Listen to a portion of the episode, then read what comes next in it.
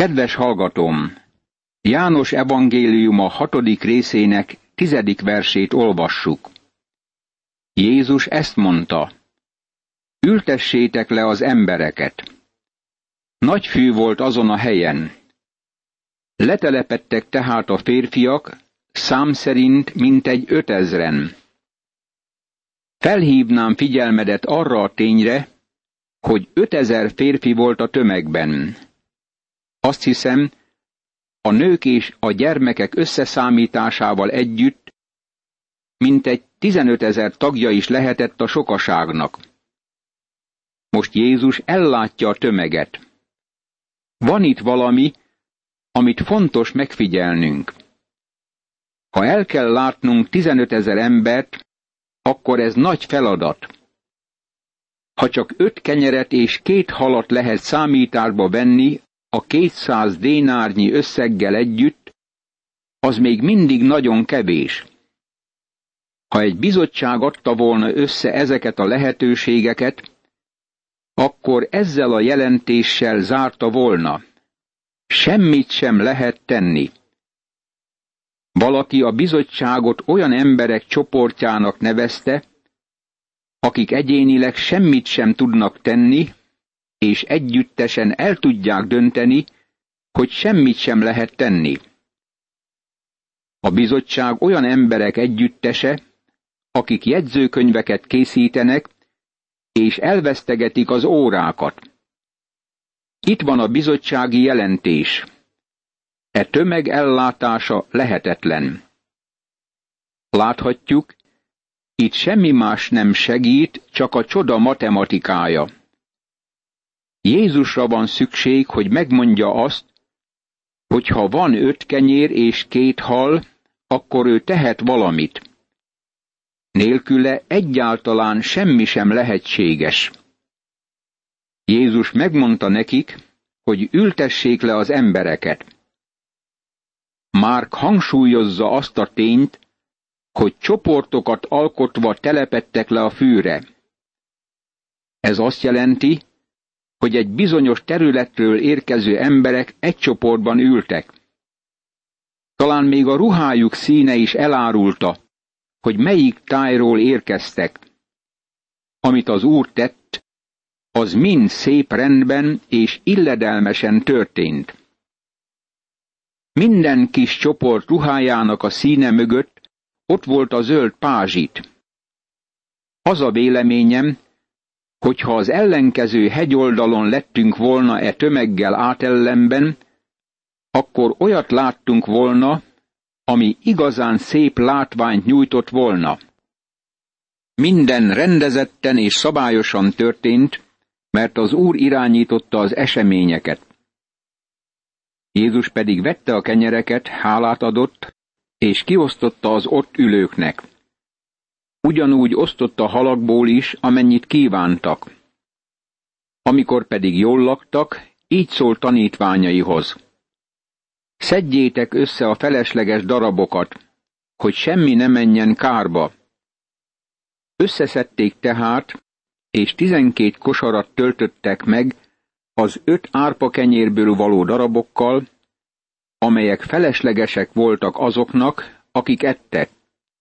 János evangéliuma, hatodik rész, tizenegyedik, tizenkettedik és tizenharmadik vers. Az egyik liberális egyetemen volt egy professzor, aki nem hitt a csodákban, és ezt a csodát is félre magyarázta. Azt mondta, hogy ezek a tanítványok összegyűjtötték a kenyereket és halakat már jó előre, és elraktározták egy barlangban.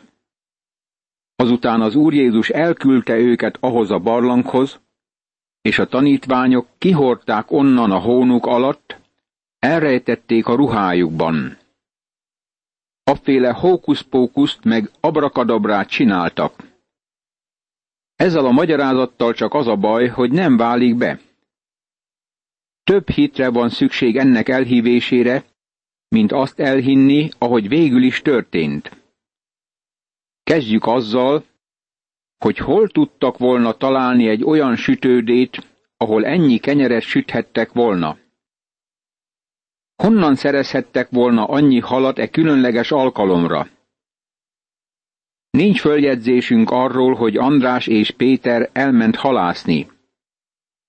Ez végtelenül fellengzős és nevetséges állítás, amint látjuk. A nyilvánvaló magyarázat az, hogy itt csodát vitt véghez Jézus. Amikor Jézust is beszámítjuk az eseményekbe, akkor több lesz a maradék, mint amennyit fölhasználtak.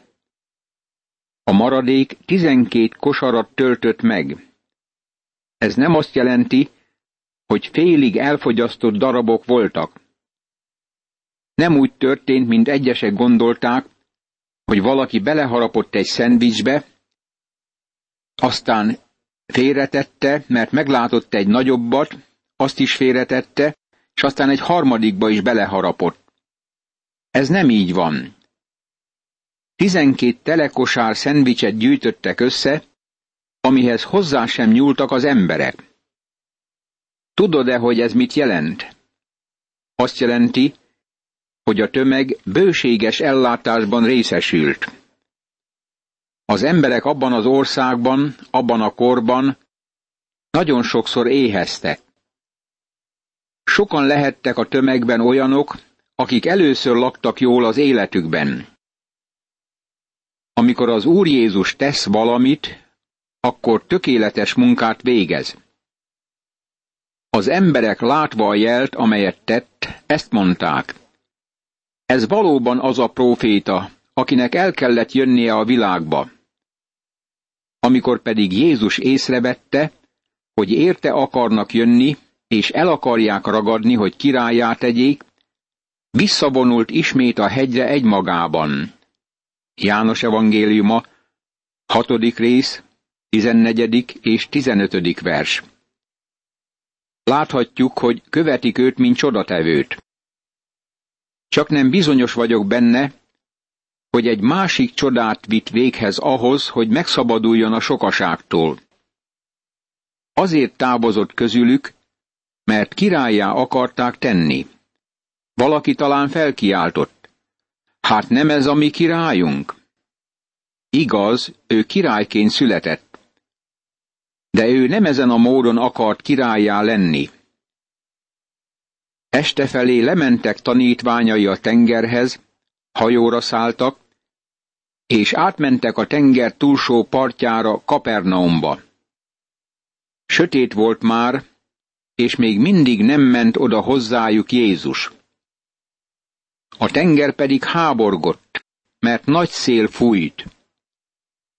Közben eljutottak mintegy 25 vagy 30 futamnyira, amikor meglátták, hogy Jézus a tengeren jár, és közeledik a hajóhoz. Megrémültek, de Jézus megszólalt. Én vagyok, ne féljetek! Ekkor fel akarták venni a hajóra, de a hajó egyszeriben odaért a partra, ahová tartottak. János evangéliuma, hatodik rész, 16. verstől a 21. versig. A többi evangélium elmondja, hogy az Úr leküldte a tanítványokat a Galilea tengerhez, és csónakba ültette őket, hogy menjenek át a tengeren, amíg fölmegy a hegyre imádkozni. Azok a hegyek körülbelül ezer méter magasak lehettek. Hirtelen tört ki a vihar a galileai tengeren, és valóságos tomboló vihar lett belőle. Amikor már 25-30 futamnyira eljutottak a tengeren, akkor körülbelül annak közepén lehettek. Hirtelen meglátták Jézust járni a vízen. Megijedtek, mert nem ismerték fel őt. Ugyanez a liberális professzor, aki félremagyarázta az 5000 ember megvendégelését, ezt a csodát is mellékvágányra akarta terelni. Azt mondta, hogy a hajó a szárazföldnél volt, ezért Jézus valójában a parton járt, de a tanítványok azt gondolták, hogy a vízen jár. Hadd mondjam, hogy János a galileai tenger halásza volt, és azt nagyon jól ismerte. Különösen említi helyzetüket a tavon, hogy megtudjuk bizonyosan, hogy nem a parton tartózkodtak. Jézus odament hozzájuk a viharban. Ez az az idő, amikor ma is oda megy övéihez. Valóságosabbá teszi nekünk magát a baj és a szomorúság idején. Nem tudom, miért várakozott éjfélig, amíg a hullámok tomboltak, de talán ez volt az egyetlen alkalom, amikor figyeltek rá. Ha az élet viharai csapkodják kis hajónkat, a szívünk felkészül az ő jelenlétére. A hajó egyszeriben odaért a partra, ahová tartottak. Ez egy másik csoda volt, vagy pedig János azt érti rajta, hogy késedelem nélkül a másik oldalra értek, mivel a víz most már lenyugodott. Lehet, hogy ez a szeretet nyelvezete. Jézussal a hajóban nem tűnik távolinak a másik oldal. Most azt látjuk, hogy a tömeg kezdi keresni az urat, és ki kell ábrándulniuk. Fölfedezik, hogy az Úr Jézus tanítványaival együtt eltűnt előlük. Másnap a tenger túlsó partján maradt sokaság megállapította, hogy ott nem volt más hajó, csak egy, és hogy Jézus nem szállt be tanítványaival együtt abba a hajóba, hanem csupán a tanítványai mentek el. Ellenben Tiberiásból jöttek hajók, annak a helynek a közelébe, ahol a kenyeret ették, miután hálát adott az Úr. Amikor tehát látta a sokaság, hogy sem Jézus, sem a tanítványai nincsenek ott, beszálltak a hajókba, elmentek Kapernaumba, és keresték Jézust. János evangéliuma, 6. rész, 22., 23. és 24. vers. Nyilvánvalóan a galileai tenger déli részéből érkeztek, és Tiberiás közelében táplálta őket. Azután fölmentek csónakon Kapernaumba, és úgy tűnik, ilyen módon érkeztek oda. János először használja itt az Úr megnevezést. Miután hálát adott az Úr. Ahogy már láttuk, János általánosságban Jézusnak nevezi őt, mert az ige testé lett. Ki az ige? Jézus. Akit nevez el Jézusnak, mert ő szabadítja meg népét bűneiből.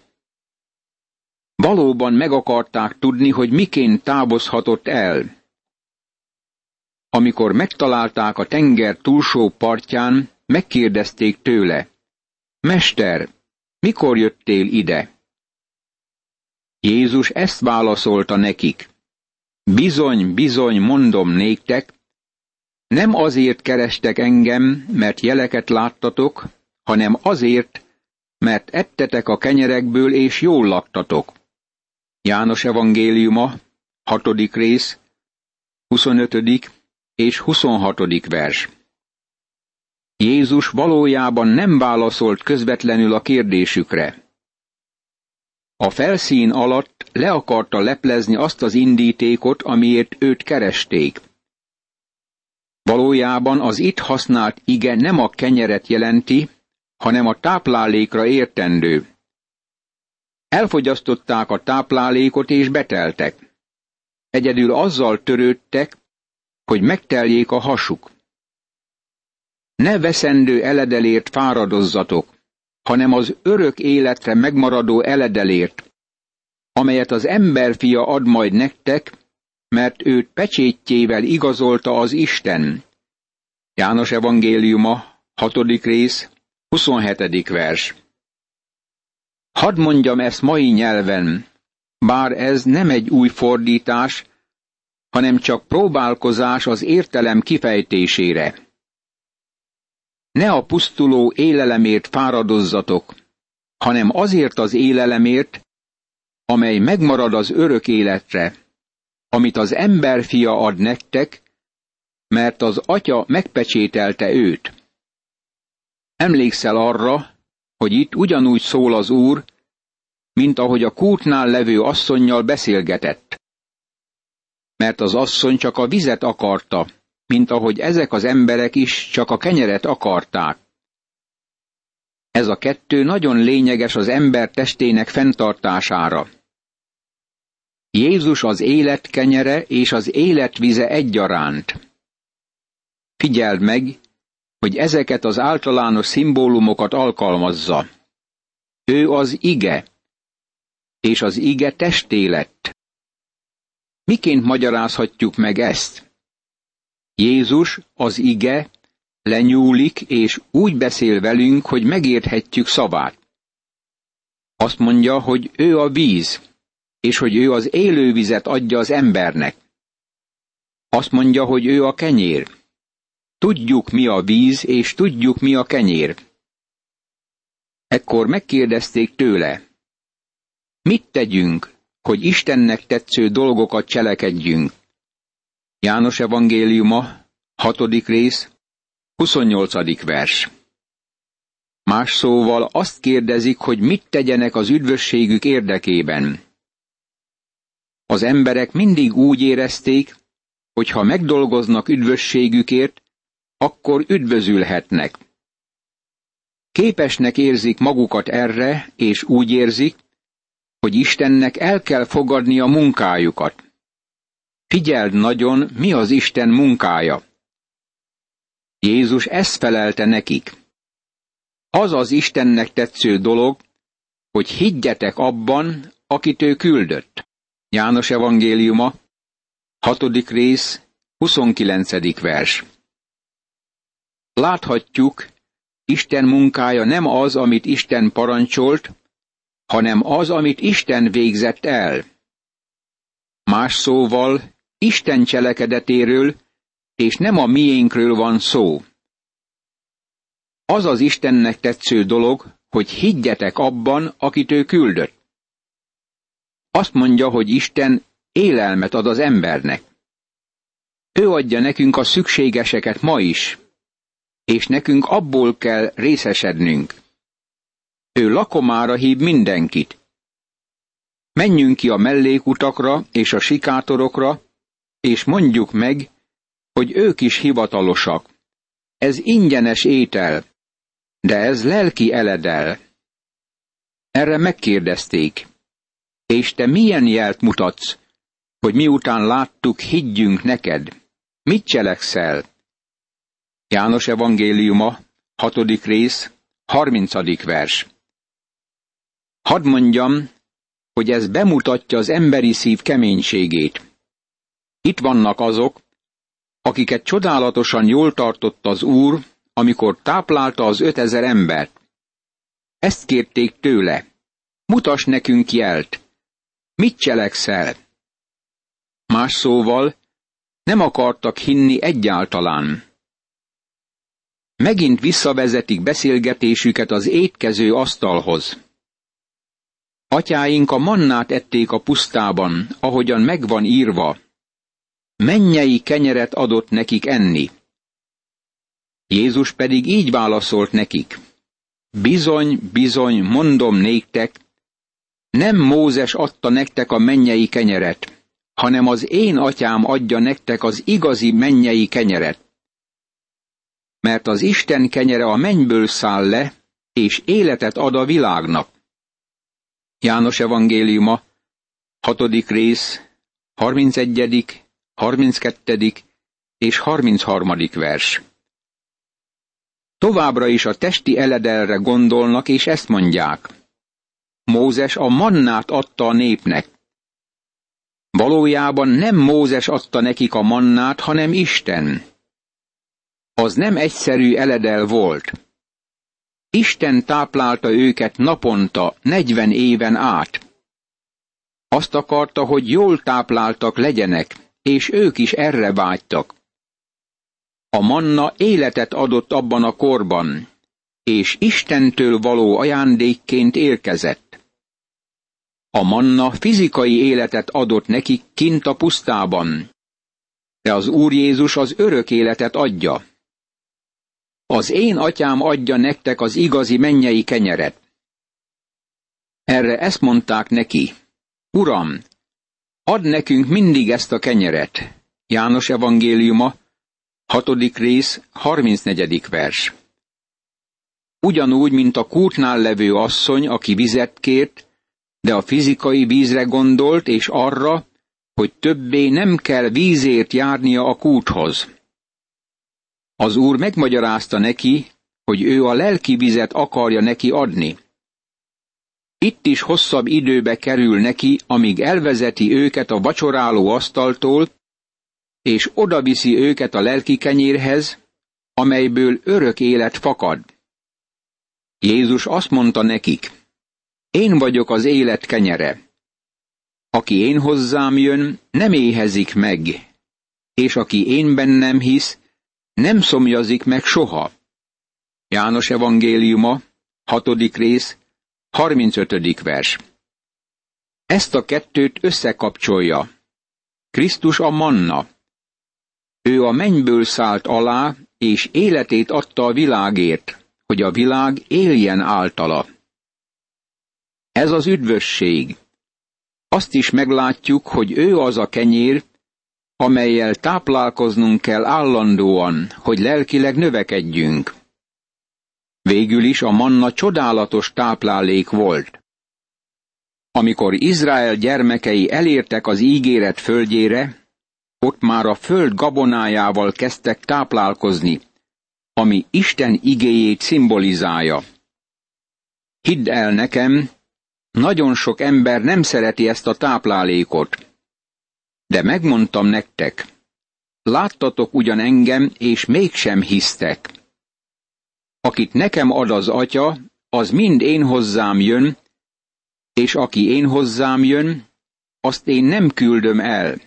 János evangéliuma, hatodik rész, 36. és 37. vers. Akarod a kenyeret? Jézus az élet kenyere. Látták az urat, és mégsem hittek benne. Akit az atya neki adott, az odament hozzá, és aki odament hozzá, az semmiképpen el nem vetette. Imádkozzunk! Uram Jézusom, köszönöm, hogy én is táplálkozhatom a Te igéddel, és annak alapján megismerhetlek Téged, megismerhetem az én mennyei célomat, és betelhetek örömmel. Add, hogy soha se hanyagoljam el igét tanulmányozását. Ámen.